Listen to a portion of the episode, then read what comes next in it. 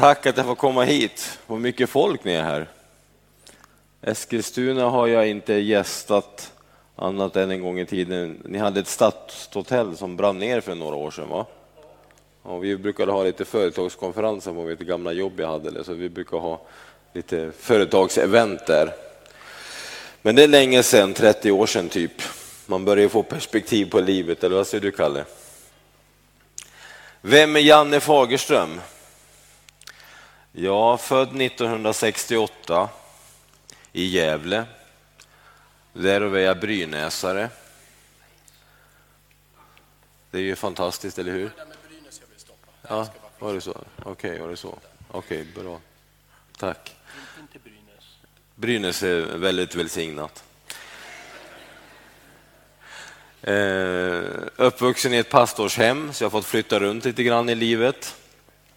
Bott i Ockelbo, Enviken, Säter, Älvdalen, Falun, centrala orter. Och 1988 så flyttade jag till Stockholm och bott på några ställen där också, Sollentuna, och Ekerö och Solna. Och numera i Bro.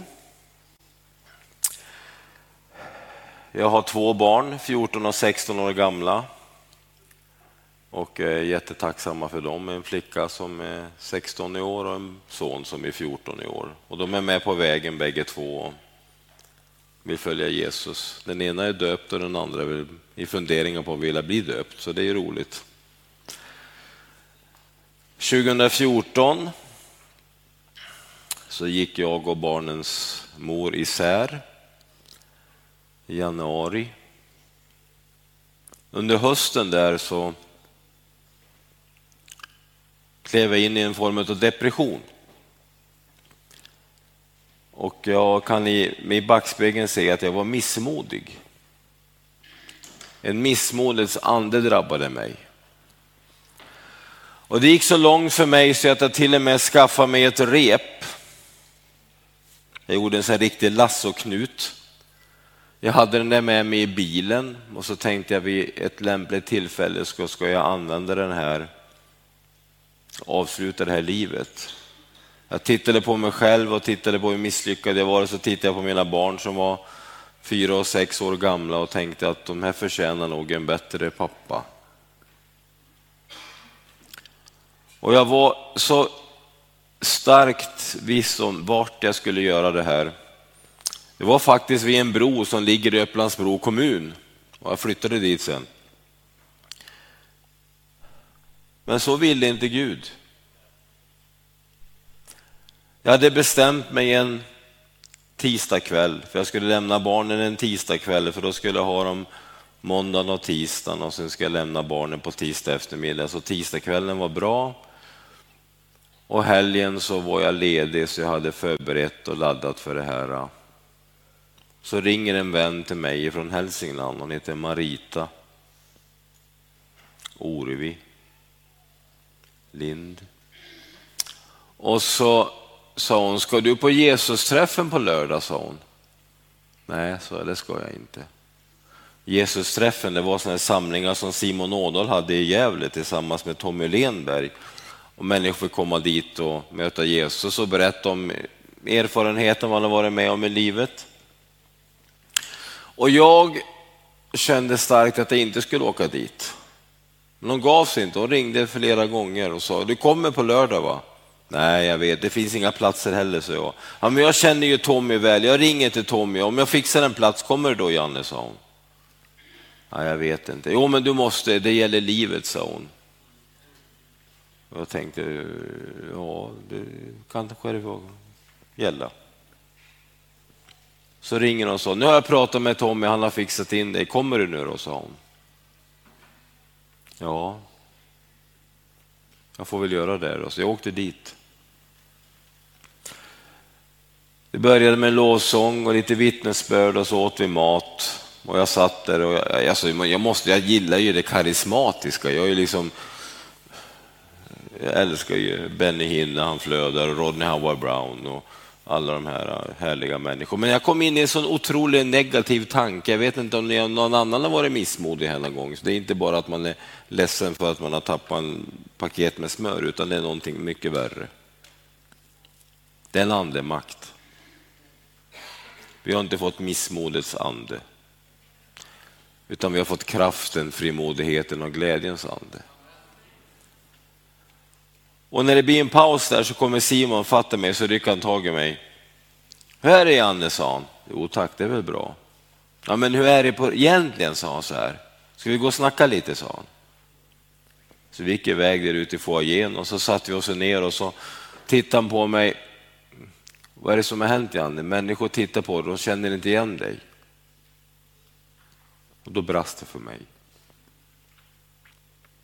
Då berättade jag om den här snaran jag hade gjort och beslutet som jag tagit och alltihop. Så tittade han på mig. Jag visste att det gällde självmordstankar, så om jag ville att du skulle säga det, sa han. Jag är en Herrens tjänare och det här är på riktigt, sa han. Jag blåser liv i dig nu, sa han och så, så blåste han mig rakt i ansiktet. Jag hade inget mer hår på den tiden vi har nu, så det fladdrade inte så mycket, men om jag hade haft en fin kalufs så hade det fladdrat lite grann. Och det var precis som ett myggsvärm som bara försvann ifrån mitt sinne. Och jag vart bara så här, oj, nästan som nyvaken. Och så, oj hjälp och så. Och så bad han för mig, att Guds ande skulle komma över mig och liksom fylla mig det tomrum som hade blivit och allt det här. Och sen när vi sitter där så säger han så här, nu ska du gå be och profetera för de där två personerna som står där borta, sa han. Du är inte klok, så det kan vi inte göra. Så. Jo, det ska du, sa han. Så, så han reser sig upp och så går han iväg och sa, hejsan, det här är Janne Fagerström. Han är en Herrens profet, så han ska bedja för er nu och tala ut ord ifrån himlen. Jag tänkte, du är inte klok, tänkte jag, så det här kommer ju aldrig gå. Så jag går fram till de här två personerna och och börjar bedja. Det förunderliga är att jag får en hälsning till den ena, hon börjar storgråta och fick en hälsning till den andra, hon började också gråta. Så jag tänkte, det var väldigt vad det här tog i skruv, tänkte jag. I första Korinthierbrevet 12 och 7 står det så här. Hos var och en framträder anden så att det blir till nytta. Hos var och en. Vilka är det tror ni?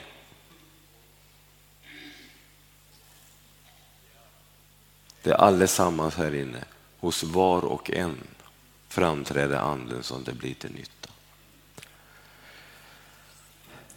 I december, fredagen mellan den andra och tredje söndagen i advent. Det finns ju ingen första advent, andra advent och tredje advent, utan allt det är advent. Sen är det flera söndagar inom advent. Men en del brukar tycka att det finns en första, en andra och tredje advent, men det finns bara ett advent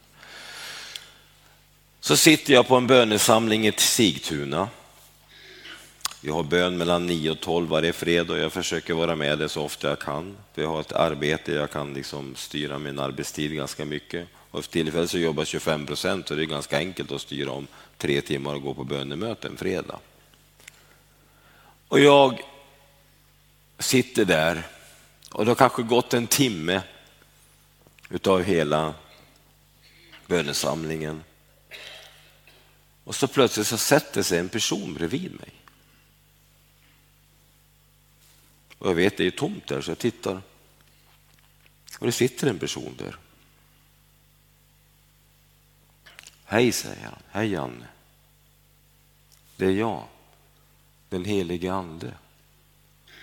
Och jag blir alldeles varm på insidan. Och jag får inte fram ett ljud. Munnen blir helt tillsluten på mig. Och så säger han så här. Vad vill du ha hjälp med? Och jag tänker så här, ja, jag har ju en typ 1, typ 2 diabetes, en kombination som bara två procent av alla diabetiker har. Jag har en sepsis som jag haft i mitt ben som håller på att läka. Och, liksom, och så tänker jag, det, det bara smälter bort det där och så känner jag bara så här, jag vill inte att den här närvaron ska försvinna. Och jag kan inte säga det, men jag kan tänka det, för jag tänker Herren känner våra tankar fjärran ifrån, så innan vi har tänkt dem så har Herren sett dem och vet dem. Så jag bara talar, tänker ut det. Jag, kan, jag talar inte ut det, jag tänker ut det. Jag vill inte att den här närvaron ska försvinna. Och jag sitter där och jag känner bara hur värmen bara existerar och han har sin arm omkring mig. Och bönemötet fortsätter i ish 30 minuter. Och sen ska jag dela det här med vännerna som är samlade där. Och när jag ska beskriva det jag varit med om så kan jag inte klä i ord det jag upplevt. Men det enda jag upplevde som anden säger till oss här, vad vill vi ha hjälp med? Han är hjälparen, den heliga ande som Jesus har sänt till oss. Han är hjälparen, den helige ande. Personen i gudomen, den helige ande. Den kanske mest underskattade personen i gudomen. Vi har far i himlen, vi har sonen som sitter på hans högra sida och vi har lätt, vi talar om fader vår som är i himlen, vi talar om Jesus. Men hur ofta talar vi om den heliga ande egentligen? För den heliga ande är alltid närvarande. Han kan ha hundra miljoner dialoger med hundra miljoner människor samtidigt varje sekund över hela jorden och det begränsar inte honom alla fall. För är det börjar, börjar bli en miljard så är det inga problem för honom heller. Han är alltid med. Den helige ande. Och jag försöker berätta det här för de här människorna som sitter och så säger en kvinna bara, jag upplevde exakt samma sak och jag kände värmen och nästa upplevde samma sak och berättade att de kände värme. Jag kunde inte heller förklara det, sa de. Och så tänker jag på kineserna, deras nyår började i år och de brukar kalla saker inför apans år, de brukar kalla det för alla möjliga konstiga år. Och nu säger de att det ska vara drakens år. Jag kan säga att det finns ingen drakens år. Men det finns ett år som 2024 handlar om. Det är den helige andes år. Den helige andes år. Varför har vi fått den helige ande? Jo, som en hjälpare i vardagen. Är det okej okay om jag talar lite fritt och vittnar så här lite grann? Jag har ett arbete där jag är väldigt flexibel, jag är väldigt rörlig för jag jobbar med att sälja verktyg och maskiner till kunder i norra Stor Storstockholm och i Hälsingland. Jag har en kollega som bor här i stan som heter Fredrik Brodd. Vi jobbar i samma företag. Han lovade sig komma hit idag, men jag vet inte om han kom för att han hade basket grej med någon av sina söner där. Men jag ska skälla på honom på måndag om han inte kommer. Han inte är här. Jag vet, ser han inte. Men... Sen var jag ute och åkte i min buss och sa Herren åt mig att sving in här, sa han. Det var ett företag, ett stort bilföretag. De har aldrig handlat någon gång. Här kan jag inte åka in. Du ska åka in här, sa han. Och jag eh, åkte in där, så gick jag in och sa, gå upp för den där trappan. Jag knatade upp den där trappan, så kom jag till en korridor. Gå längst ner i korridoren där. Och jag knatade in där längst in i korridoren. Knackade på dörren, kom in, så kliver in och så sitter någon form av vd, chef på företaget där. Hej, jag heter Janne Fagerström. Ja, hej, säger han. Jag har kommit hit för Herren har skickat hit mig. Jag lovar, ögonen har varit stora på honom, jag lovar. Jaha, ja det är så här, sa jag, att du har två val att göra, sa jag. Du har fått två erbjudanden. Det ena är ett väldigt starkt erbjudande inom företaget och koncernen. Du kommer få kliva upp och få en hög chefsnivå. Men så har du fått ett annat område, du också fått ett erbjudande som ligger närmare din känsla i ditt hjärta, sa jag. Och jag upplever att Herren säger att du ska välja det som ligger närmast ditt hjärta. Och han tittar på mig. Ja, nu ställde du till problem, sa han. Ja, det vill jag inte göra så, men jag upplever att Herren vill att du ska få reda på det här. Nio månader senare Han valde att sluta på den, den här koncernen, på det företaget. Nio månader senare så var det det företaget han hade jobbat på i konkurs.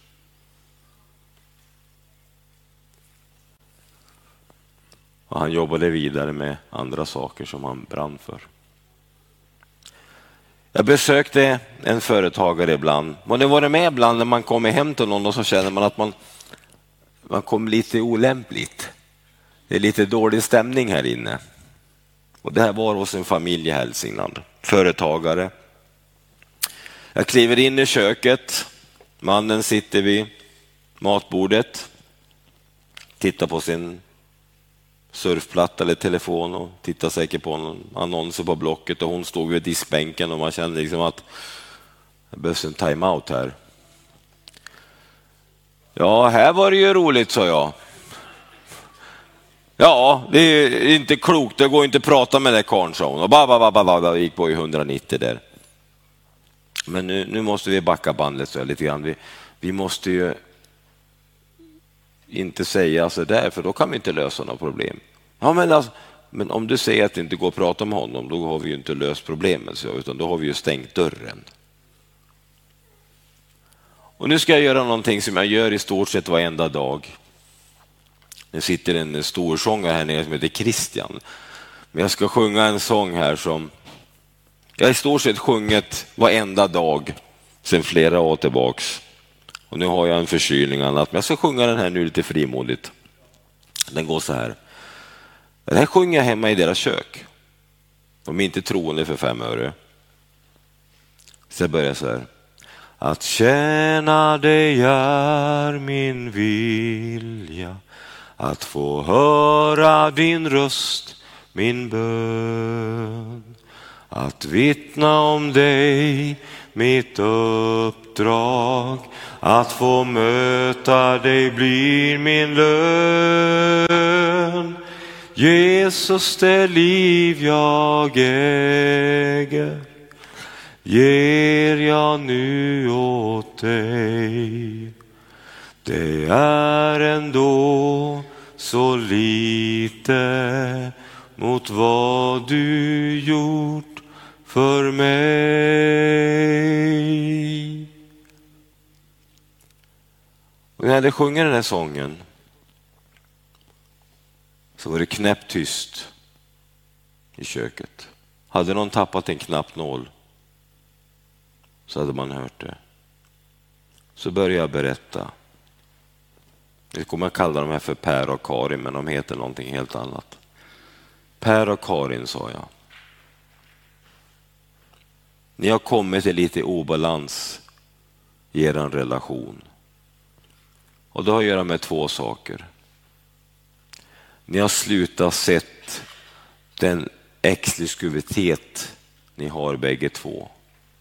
Per, du är fantastisk med dina maskiner och lastbilar och allt det här. Du lagar dem och du fixar med dem och du ser till att de fungerar. Du får jobba ibland både halva kvällar och halva nätter för att lastbilen ska fungera. Så när din pilot kommer på måndag morgon eller på onsdag morgon så ska den vara startklar och kunna köras igen. Och du Helene, du sliter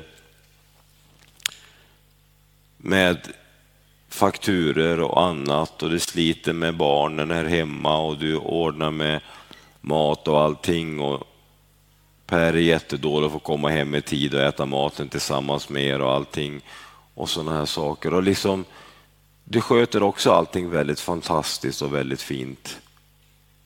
Men ni har slutat att uppskatta varandras, era spetskompetenser. Jag har fått lärt mig att den som profeterar talar uppmuntran, förmaning och tröst uppmuntran, förmaning och tröst. Att ha en profetisk kallelse innebär inte bara att du alltid ska säga så säger Herren, imorgon kommer inte regna. Men alltså Jesus kommer snart. Det finns liksom många bilder på hur man har hört profetiska hälsningar. Men det handlar om att vara i det profetiska i sin vardag bland sina medmänniskor. För den som profeterar tar uppmuntran, förmaning och tröst. Så jag fick förmana dem lite grann av att de skulle börja uppskatta varandras exklusivitet, det de var väldigt duktiga på.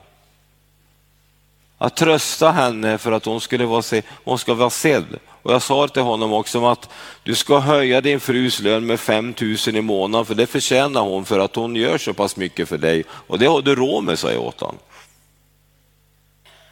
Hm. Ska du komma hit och bestämma över mina pengar i företaget, sa han. Nej, då skulle du köpa verktyg av mig för 50 000 varje gång och kom hit. Så, men, så det tänker jag inte säga, så jag. Och skrattar de.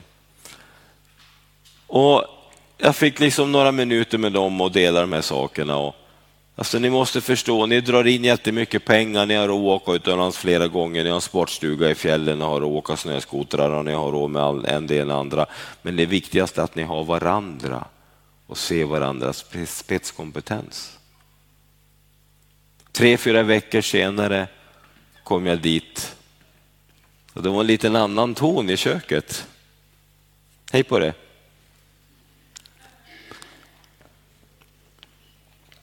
Hej. Hur är läget? Är det bra? Ja. Ja, vad bra. Mm. Och Jag tittade på dem och så bägge två. Ja, jag har fått högre lön, sa hon. Ja. Och Per han sa, ja, alltså hon har blivit gladare. Ja, var det bara pengarna som gjorde det? Nej, jag har blivit duktigare på att komma hem och äta också, sa hon. Se. Alltså, vi, ibland så får vi inte lägga det här äh, att vara andlig så högt uppe i himlen. Så här, liksom. Det är jätteenkelt att vara andlig i kyrkan. Det är inte så svårt, för alla andra är ju andliga här. Men Jesus, han gick omkring, han var andlig ute bland människor hela tiden. Det står att han gick omkring och han gjorde väl och han hjälpte alla. Att du hjälper din granne att klippa gräsmattan på sommaren när han är borta på semestern, det gör ingenting för då, då kommer han hem och så ser han att han sin gräsmatta är klippt. Eller du hjälper grannen att borsta bort snön och skotta snö från garageuppfarten. Eller någonting annat. Det är också en välgärning som man gör för Herrens skull. Att se det lilla som det stora. Att gå omkring och göra väl och hjälpa alla. Jag får ofta höra den frågan av människor. Janne, du som har med Gud att göra, vad ska jag göra med mitt liv? Ja, du kan börja med att läsa Guds ord.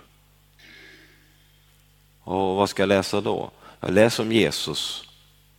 De första fyra böckerna i Nya Testamentet. De är en väldigt bra vägledning till hur vad vi ska göra, vi ska bete oss och allt det här. Och så står det här, Gå omkring och gör väl och hjälp alla. Börja där. Börja där.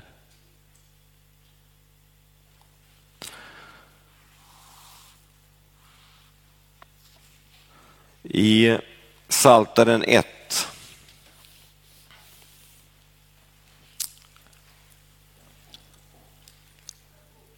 står det så här. Salig är den, jag måste få berätta, jag kan ju läsa utan läsglasögon. Jag måste få berätta det. I förra året så drabbades jag av en sepsis och så drabbades jag av blödningar i mina ögon. Jag har gått igenom fem, sex operationer i mina ögon. Det är ingenting att rekommendera. Speciellt inte de här operationerna de gör utan bedövning. Eller när man är nedsövd, utan när man är vaken. Man ser någonting kommer emot ögat där och så, ligg still nu bara. Ja, jo, absolut. Det räcker med att få en fluga i ögat så får man ju panik. Och där kommer en nål liksom. Så jag låg på lasarettet i en månads tid med en väldigt kraftig sepsis som höll på att kosta mig livet. De fick hämta mig med ambulans. Jag hade 40 graders feber. Och jag kom in bara med några timmars varsel, sen hade jag inte funnits mer, så läkaren till mig.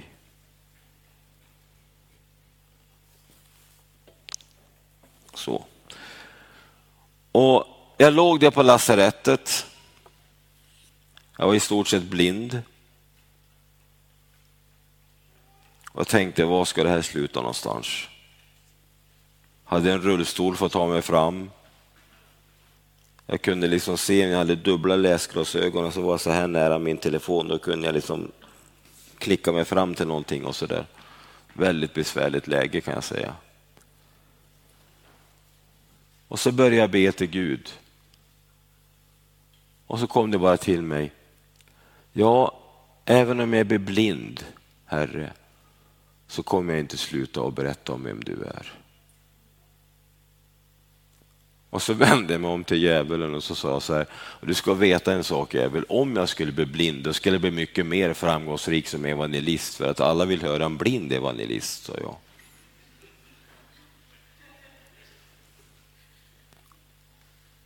Nu har jag genomgått fem, sex operationer, två, tre operationer i mitt ben.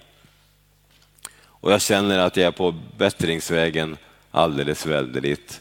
Och bara det här att jag kan läsa i min bibel. Jag sa till Kalle att han fick vara backup för att ibland blir jag så gripen och då får jag tårar i mina ögon och då kan jag lite svårt att se.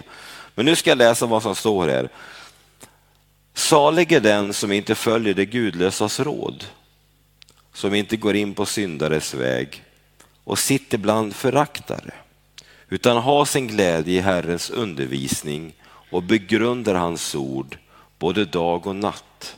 Han är som ett träd planterat vid vattenbäckar som bär sin frukt i rätt tid och vars löv inte vissnar.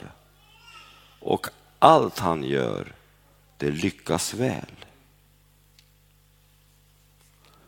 Salig är den som inte följer det gudlösas råd.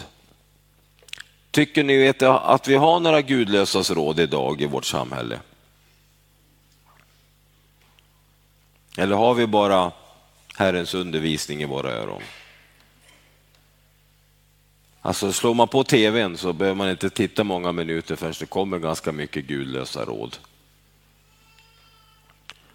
Och så sitter vi till och med som kristna och lyssnar in de här råden. Och man kan nästan känna att det där går ju faktiskt stick i stäv med vad Guds ord säger. Ska man lyssna till det då?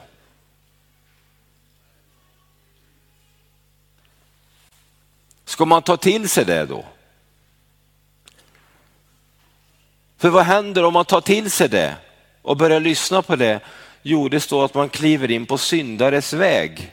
Man går bort ifrån den väg som Herren har tänkt för oss. Så går man in på något annan väg och det står liksom att man hamnar bland de föraktade. Det sitter man fast i någonting som man inte kommer ifrån. Vi kan gå i stå i saker och ting i vårt kristna liv. Men är det för att vi har läst för mycket utav Guds ord? Är det för att vi har bett för mycket till exempel? Nej, vi kanske har glömt att lyssna till Guds ord. Därför när jag läser min bibel idag själv hemma så läser jag inte tyst längre utan jag läser högt.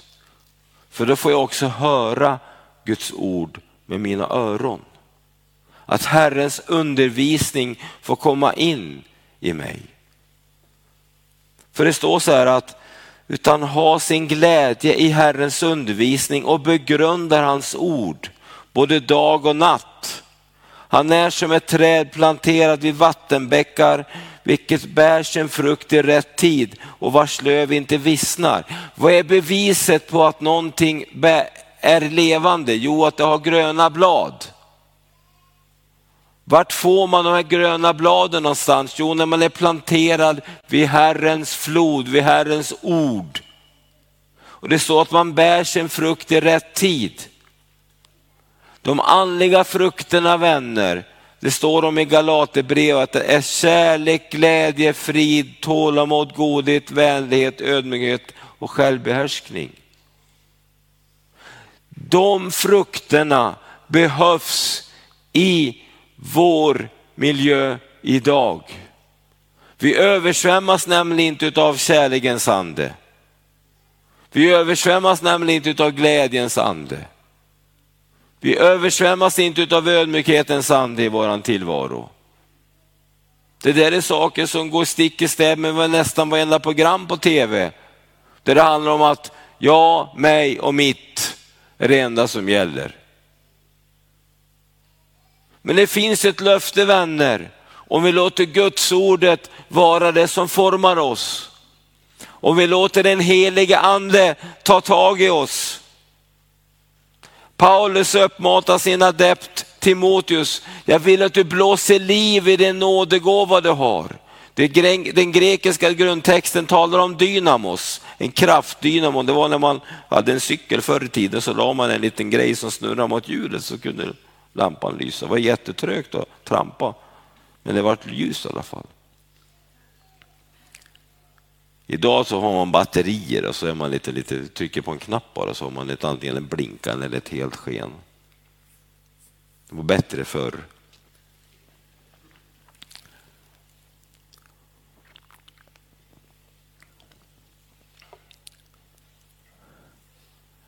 Jag var så glad när den här unga tjejen som började tala utan upplevde Gud la på sitt hjärta. Och när jag pratade med Kalle här i veckan så sa jag, det finns en oljelampa som ställs mitt i er församling, sa jag. Jag såg en oljelampa som ställde sig mitt i den här församlingen med olja. Och att det fanns oljekär som behövde fyllas här för att du ska få uppleva att din lampa ska också börja lysa med ljus och värme över ditt liv.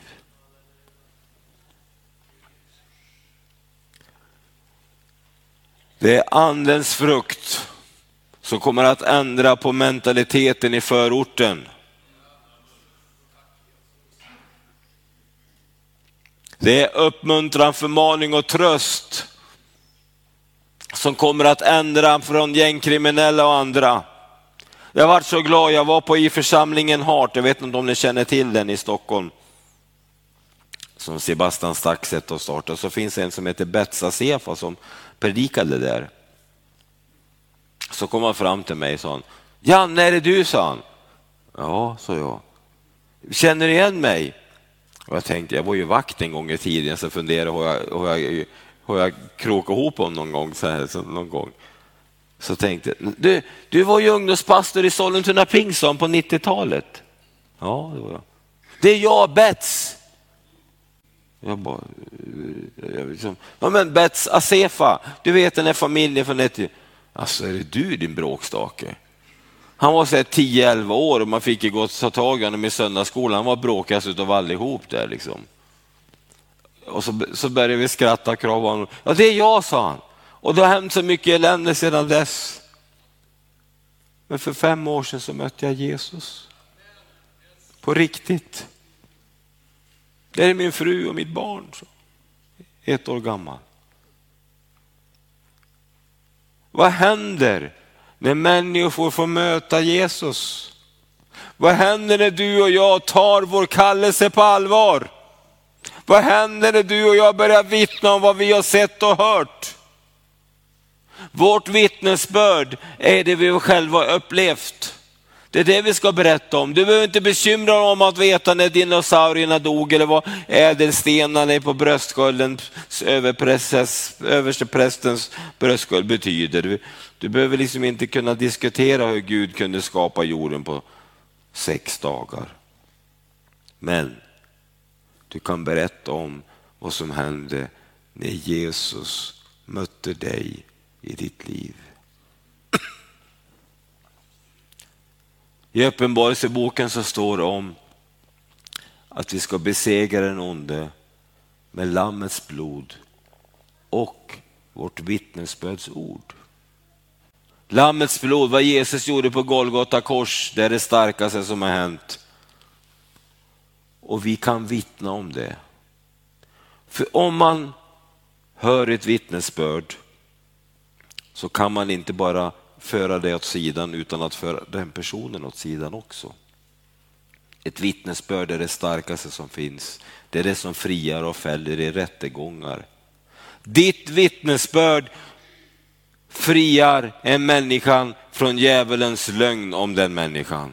Ditt vittnesbörd har en otrolig kraft in i den rättegången där åklagaren står och åklagar så många människor varenda dag. Och du och jag är vittnen och kan berätta om att du behöver inte stå under den ondes våld utan det finns någon som har friköpt ifrån det.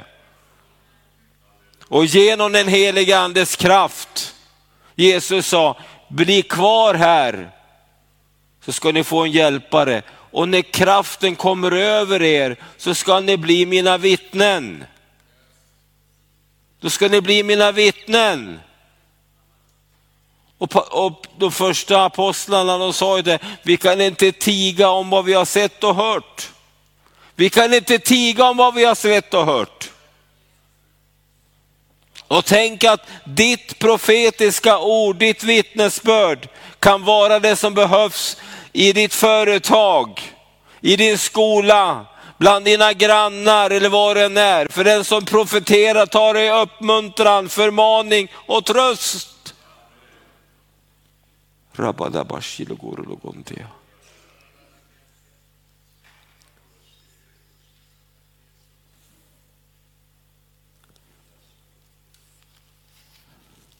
Hos var och en så framträder anden så att det blir till nytta.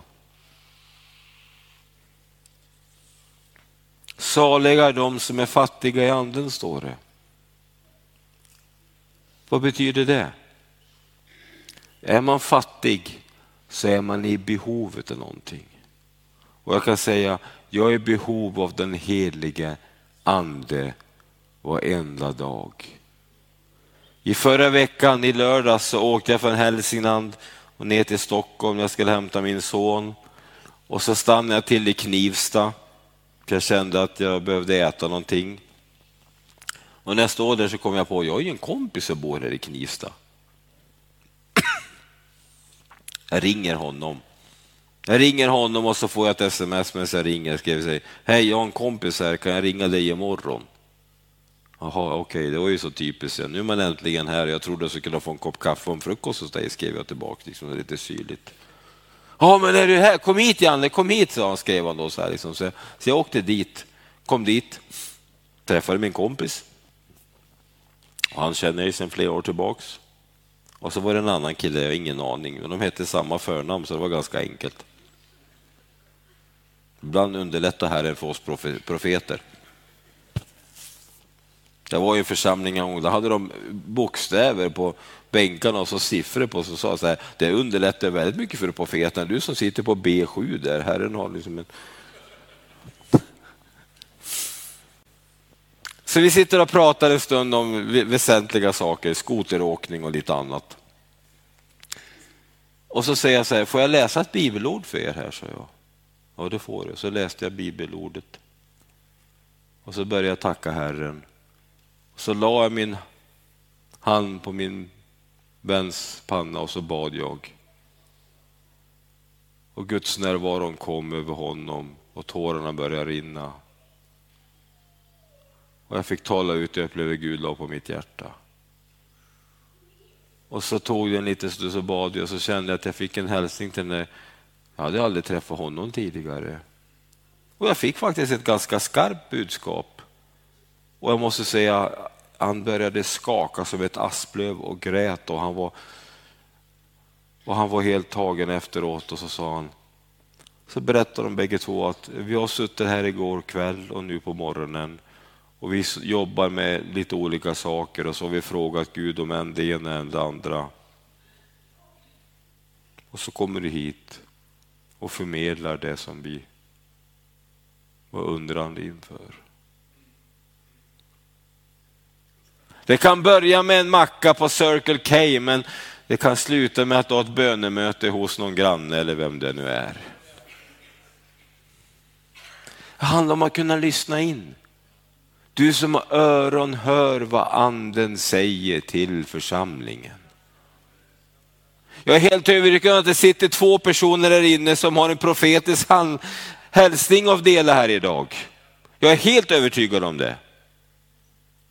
Första gången jag skulle frambära ett profetiskt budskap, det var i Sollentuna pingstkyrka. Jag var ganska nyinflyttad där, jag var 20 år gammal. Och jag sitter där, ungefär som där du sitter med din randiga tröja och talarstolen är här. Och pastorn han hade predikat, han lägger sig över talarstolen och, och gråter. Och jag känner att jag har en profetisk hälsning till honom. Men jag vågar inte säga. Och efter det så var det helt tyst. Men det här gnagde inom mig i månader. Till slut så gick jag till pastorn, jag måste få prata med dig, sa jag. Ja, vad gäller saken? Och så berättade jag och jag berättade om den hälsningen som jag hade fått och alltihop. Då tittade han på mig, Hasse Andersson hette han. Då log han sitt varma leende. Ja du Janne, sa han. Den där profetiska hälsningen fick jag på tisdag morgon, för det var en broder ifrån Filadelfiakyrkan i Stockholm som åkte förbi kyrkan och Herren sa åt honom att han skulle svänga in här. Så gick han in här på expeditionen och så delade han det här budskapet som du har delat nu. Så jag fick det, sa han. Men du gick miste om välsignelse, sa han. Efter det vill jag inte gå miste om välsignelsen. Efter det så vill jag inte gå miste om vad Gud har lagt på mitt hjärta, vad Gud har ålagt mig.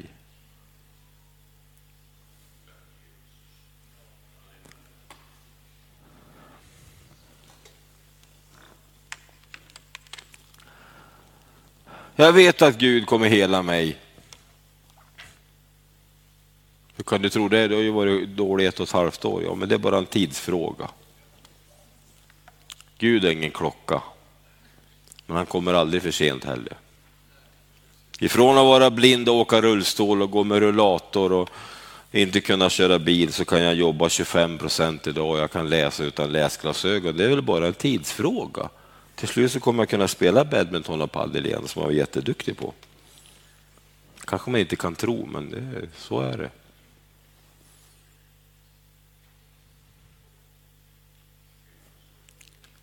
Vem är det som har fått den profetiska hälsningen? Vill du ställa dig upp? Kom.